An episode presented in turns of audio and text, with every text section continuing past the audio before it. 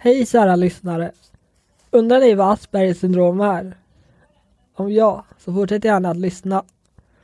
Länkar kan ni hitta i Soundcloud-beskrivningen. Aspergers syndrom är ett så kallat neuropsykiatriskt funktionshinder som förkortas till NPF.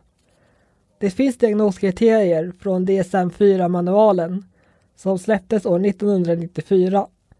Nu finns det tekniskt sett inte i och med diagnosmanualen DSM-5 utan heter istället Autism Spectrum Disorder på engelska. DSM-5 betyder Diagnostic and Statistical Manual of Mental Disorders, 5th edition.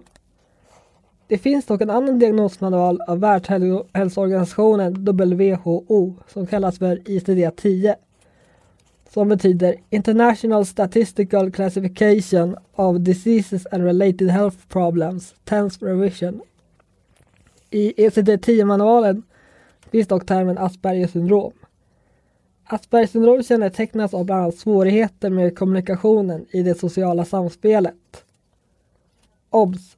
Endast en utbildad psykolog har rätt att sätta diagnoserna Aspergers syndrom och autism. Man kan spekulera själv men inte sätta en diagnos. Diagnosen ställs genom många tester under uppsikt av en utbildad psykolog. Dock är det inte något dåligt om man läser de så kallade Aspie-kriterierna av Tony Atwood och Carol Gray. Ni ska få höra ett urval av dem. Står helt fast vid sina åsikter och tankar. Tar ofta hand om de som faller utanför ramen för typisk utveckling. Vänskapsrelationer karaktäriseras av total lojalitet samt oklanderlig pålitlighet. Lyssnar utan hela tiden kritisera eller ta saker för givet. Stark förkärlek för detaljer framför helhet. För de som har Aspergers syndrom är struktur och rutin väldigt viktigt. Vissa, men inte alla, har dessutom så kallade specialintressen.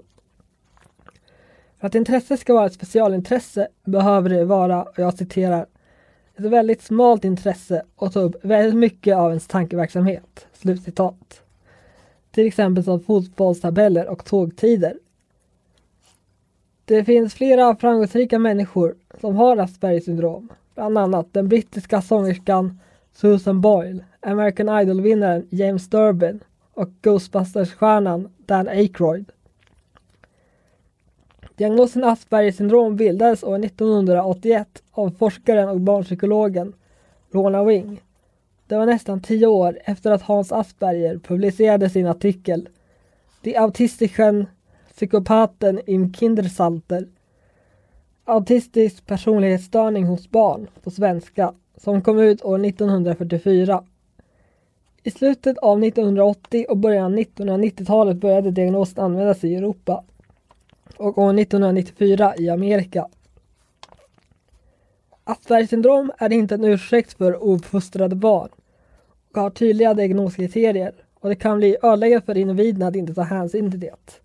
Människor som har autism, som är en del av autismspektrumtillståndet, växer varken ifrån det, de vill ha social kontakt men har svårt för det och har känslor.